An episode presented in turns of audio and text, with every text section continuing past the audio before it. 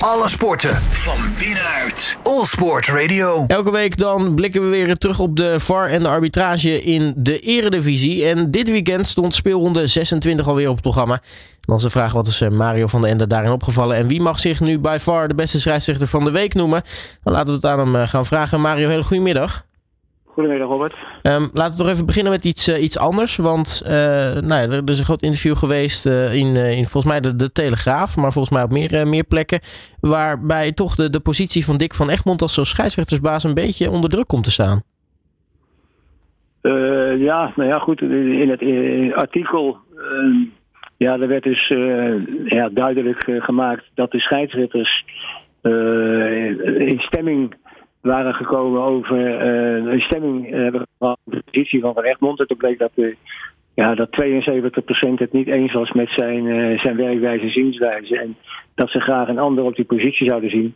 Ja, dat is natuurlijk ja, een duidelijk signaal. Aan de andere kant vind ik het ook altijd weer heel vreemd dat, uh, dat uh, als er zo'n twee pagina's uh, zo'n heel stuk gepubliceerd wordt, dat, dat niemand daar dus ehm, met naam en toename genoemd, wil worden, dat alles anoniem gaat. En dat, dat verbaast in ieder geval wel eens als je in de arbitragewereld actief bent, dat je dan nog steeds angst hebt om in ieder geval voor je eigen mening uit te komen, omdat het allemaal anoniem moet. En dat, en, en dat haalt het verhaal een beetje onderuit, vind ik. Maar ja, dat het een, een, duidelijk signaal is en dat, uh, dat een hoop mensen daar uh, niet helemaal naar tevredenheid rondlopen, dat, uh, dat mag duidelijk zijn.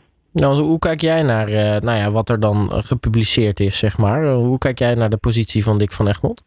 Ja, nou ja, goed, kijk, ik snap dat, dat er een bepaalde onvrede is, omdat je, maar goed, dat, dat zeg ik in dit programma ook wel eens. Kijk, als je naar het aanstellingsbeleid ook kijkt, uh, dan verbaas ik me er nog steeds over dat, uh, dat de zogenaamde topscheidsrechters in Nederland ja, bijna net zoveel uh, fluiten als, als de groepen daaronder. Hè. Het is net of, of er zoveel mogelijk mensen tevreden gehouden willen worden. Ja, en ik zeg altijd, als je dus in de top van de eredivisie, hè, je hebt het over topvoetbal, daar horen gewoon de beste mensen te fluiten. En ik heb wel het idee dat, de, dat ze alle 22 of 23 die uh, eventueel voor een aanmerking zouden komen, ja, ja, dat zeg ik net al, allemaal tevreden gehouden moeten worden.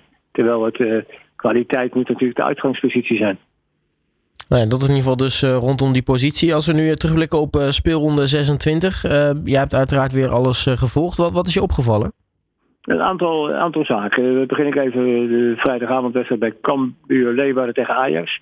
Daar floot de scheidsrechter Lindhout.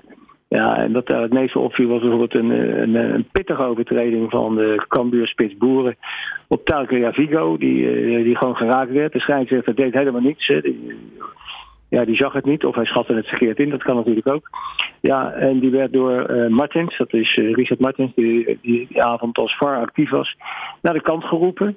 Uh, omdat hij natuurlijk wel die, die hele pittige overtredingen van alle kanten uh, ja, via de camera's binnen zag komen. Uh, Lindhout ging kijken en hij besloot toen tot een gele kaart te geven. Ja, en volgens mij mag je als VAR alleen maar de scheidsrechter naar de kant roepen. Uh, als jij denkt dat het een rode kaart is, dus uh, als je praat over uniformiteit, want daar kom ik later ook nog wel even op terug, dan, dan, dan, zie je hier toch weer dat er een bepaalde discrepantie is. En dat, en dat verbaast mij dan elke keer weer. Zoals ook bijvoorbeeld bij zaterdagavond de wedstrijd FC Groningen tegen NEC Nijmegen. Uh, daar werd een rode kaart getoond voor El Karouani, als ik het uh, goed uitspreek, de, de, speler van NEC. Die stond op een gegeven moment kop aan kop met Stan Larsen van FC Groningen. En die maakte een lichte kopstootbeweging even naar voren, waardoor, ja, nogmaals, ik, ik vind dat dat absoluut niet op een voetbalveld thuis hoort. voor mij mag er in alle situaties waarin spelers zoals als Kemphanen tegen met die koppen zo, met die voorhoofden tegen elkaar aan staan en ook nog een lichte beweging maken, dus een eye-beweging, mag voor mij rood zijn, maar dan moet je het overal doen. En, uh, nou, dat gebeurde, en dat gebeurt dus niet altijd, omdat je, uh, ja, deze scheidsrechter gaf dus heel resoluut rood. Dat me dan weer heel erg verbaasde is dat hij na afloop uh, verklaarde voor de tv-camera dat de rode kaart veel te zwaar was in zijn ogen. En dat hij niet blij was met zijn beslissing. Ja, dan denk ik, dan moet je je toch eens goed gaan afvragen, jongen. Wat heb je nou precies waargenomen en geïnterpreteerd toen je die heel resoluut die rode kaart gaf? Ja, en aan de andere kant, de VAR, in dit geval Koesbejoek, Uh, die gaf zijn goedkeuring aan die rode kaart. Dus ook dan kun je toch bespreken dat er van uh, een uniformiteit in die straf ja, totaal geen sprake is. Nou, dan hebben we gisteren nog twee situaties die, die mij opvielen. Dat was allereerst, en dan praat ik over de, de gehele leiding van, van Jochem Kamphuis bij Heracles tegen Vitesse. Nou ja, de, de, de wedstrijd begreep ik uh, ook later nog eens een keer dat de trainers ook zeiden van uh, dat was van abominabel niveau. Maar dat was helaas de arbitrage ook, want er zaten dingen in ellebogen. Er zat een, een voorbeeld in van, van Kloester van Herakles die een elleboog gaf aan, aan Frederiksen. Nou ja, die verdienen gewoon weer het predicaat de elleboog van de maand.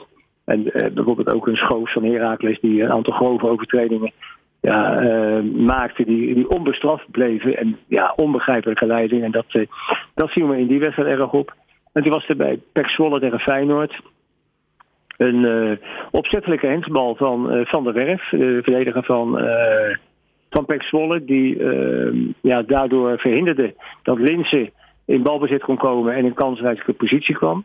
Ja, na afloop een heel verhaal van scheidsrechter van de Kerkhof waarom hij dan van geel had gekozen. Omdat hij twijfelde of het wel een een, een doelrijpe kans zou worden of zou zijn. Ja, uh, het was een keurig verhaal, maar ik denk gewoon als hij rood had gegeven, dat iedereen, met uitzondering van, van, hijzelf, van hemzelf en, uh, en de VAR, in dit geval Kooi, het logisch had gevonden als die rode kaart gewoon getoond zou worden. Dus dat waren eigenlijk de situaties die me dit weekend zijn opgevallen. Ja, sterker nog, uh, de, de, de twitteraar van Pek Zwolle had het erover dat de VAR Joey Coy waarschijnlijk even nootjes aan het halen was of hij andere beeld had. Maar uh, nou ja, zelfs Pek Zwolle had dus in ieder geval zoiets van, nou volgens mij was dat gewoon een rode kaart. Maar als dan zelfs de eventuele benadeelde partij zelfs het een rode kaart vindt, ja, dan moet je misschien toch inderdaad even achter de oren krabben. Ja, nou ja, benadeeld, die, die werden in dit, in dit geval natuurlijk bevoordeeld. Ja, nee, ja, precies. Maar dat, dat, anders, anders benadeeld zou zijn. Als hier dus een rode kaart getoond zou worden, dan zou, dan zou ja, dat zeg ik met uitzondering van de twee mensen die er dus nu over gingen, uh, en, uh, iedereen vrede mee hebben gehad. Ja. En dan is het uh, tijd voor het volgende, namelijk bij far de beste scheidsrechter van de week. Wie is de beste scheidsrechter van het seizoen? Dat bekijken we eerst per week. Dit is by far de beste scheidsrechter van de week. Met Mario van de Ende. Uh, Mario, ja, vertel maar, wie is uh, van speelronde 26 by far de beste scheidsrechter van de week? Wel is deze week een scheidsrechter die natuurlijk uh, ja, vaak onder het vergrootglas ligt. En dat is Bas Nijhuis. Die, uh, die gisteren ja, gewoon een gedegen wedstrijd floot bij, bij FC Utrecht tegen PSV. Ja, niet, niet van, die, van die gekke eigen regeltjes maakte. En eigenlijk uh, ja, voor, het grootste gedeelte van die wedstrijd uh, floot zoals een scheidsrechter hoort te fluiten. Dus wat dat betreft uh, kan hij deze week ja, met, met deze titel voor wat hij waard is, kan, kan hij met zijn borst eruit lopen. Ja, hartstikke mooi. Hij krijgt dus een, een mooie 7. Ja, en dan zijn er toch twee scheidsrechters deze week die toch echt heel wat huiswerk hebben.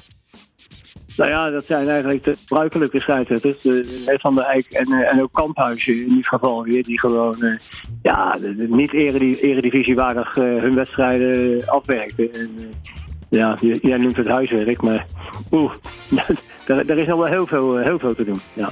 Dat is in ieder geval dus degene die nog even achter de oren moeten krabben wat dat betreft. Mario van der Ende, mag ik je hartelijk danken voor je tijd. En spreek je natuurlijk volgende week weer. En dan zijn we natuurlijk benieuwd onder meer naar de arbitrage bij de klassieker. Ja, we hebben volgende week Ajax Feyenoord op het programma staan. Dus, maar goed, oké, dat je ziet ook uh, onderin is het, is het ook razend spannend. Hè? Er zit ook uh, regelmatig stuivertje wisselen voor de degradatieplaatsen. Dus wat dat betreft is er nog genoeg werk voor de arbitrage om, om dat allemaal in goede banen te leiden. Ja, precies. Nou, dat gaan we dus allemaal meemaken. Mario, hartelijk dank voor je tijd natuurlijk deze week. En spreek je volgende week weer. Oké, okay, tot dan. Dit is by far de beste scheidsrechter van de week. All Sports Radio.